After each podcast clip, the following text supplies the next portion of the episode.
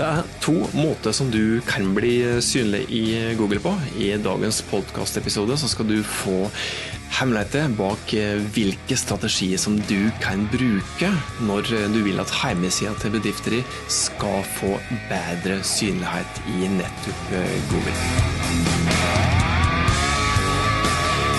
Hei, jeg heter Tone Spørstad. Dette er podkasten, markedsføringspodkasten der du får enkle, gode tips til hvordan du kan bruke ulike markedsføringskanaler til å få bedrifter som du jobber i, til å få flere kunder og mer penger i kassa.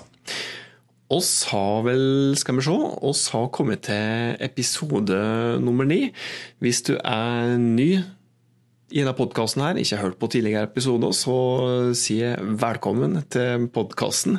Eh, ordentlig glad for at du hører på, og hvis du er en av dem som har fulgt med siden episode nummer én, en ekstra liten takk til det. Jeg er ordentlig, ordentlig glad for at eh, du hører på denne podkasten her. Så til selve saken, da. Eh, Kanskje har du en eller annen gang lurt på hvorfor hjemmesida di kommer langt ned i søkeresultatet i Google.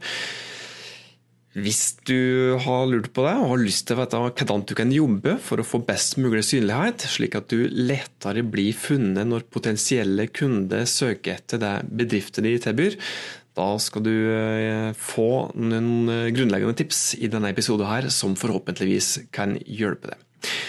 Det er slik da at, at kundene dine, potensielle kunder, får opp to ulike sett med treff når de gjør et Google-søk. De eh, får opp annonser, og så får de opp såkalte organiske treff, gratistreff.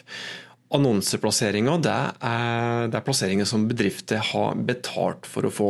Og organiske treff det er plasseringer som bedrifter har gjort seg fortjent til uten at de har betalt annonsekroner. Og dette her, det betyr at det i utgangspunktet er to ulike måter som du kan bli mer synlig i Google på. Det første du kan gjøre, du kan jobbe med å få bedre gratis synlighet. Det er den ene tingen. Og det andre er at du kan betale for å bli mer synlig ved å kjøpe Google-annonser. Den største fordelen med å få bedre gratis synlighet den er temmelig åpenbar. Du trenger ikke betale for plasseringer. For de aller fleste bedriftene som har hjemmeside, så er det også slik at de får flest besøkende fra de eh, organiske treffene. Og dette betyr at det på sikt gjerne er mest å tjene på å jobbe med å få best mulig gratis synlighet. Men det koster derimot eh, i form av hardt arbeid, og hardt arbeid det betyr at du må bruke tid, og tid er jo òg penger, ikke sant? I tillegg er det slik at det tar tid å gjøre seg fortjent til bedre organisk plassering.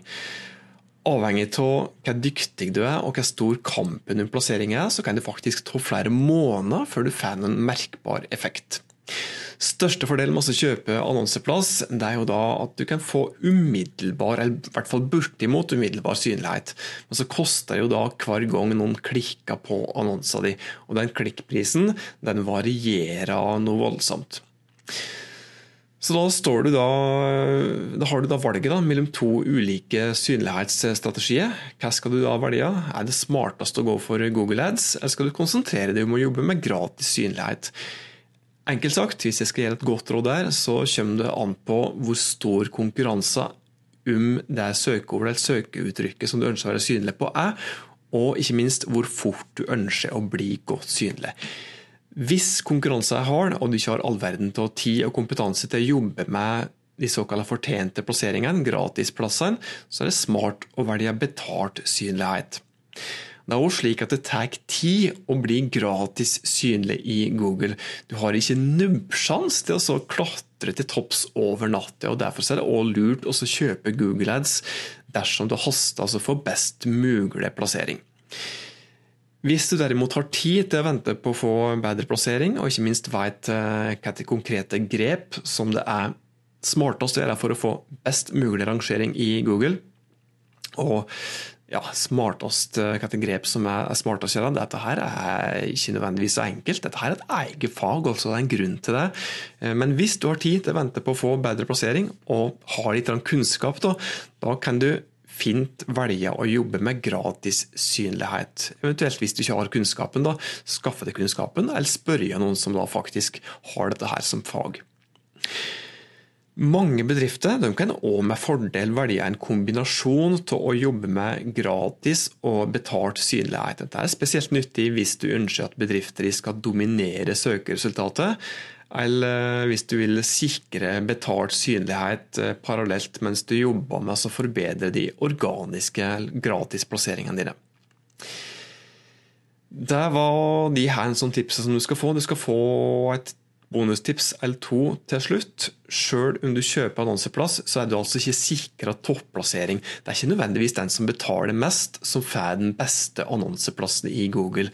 Dette er det avhengig av mange ulike faktorer, og det er heller ikke noe magisk sted på nettsida di der du kan putte inn noen ord som du har lyst til å bli synlig på, for deretter å bli kjempesynlig i Google over natta.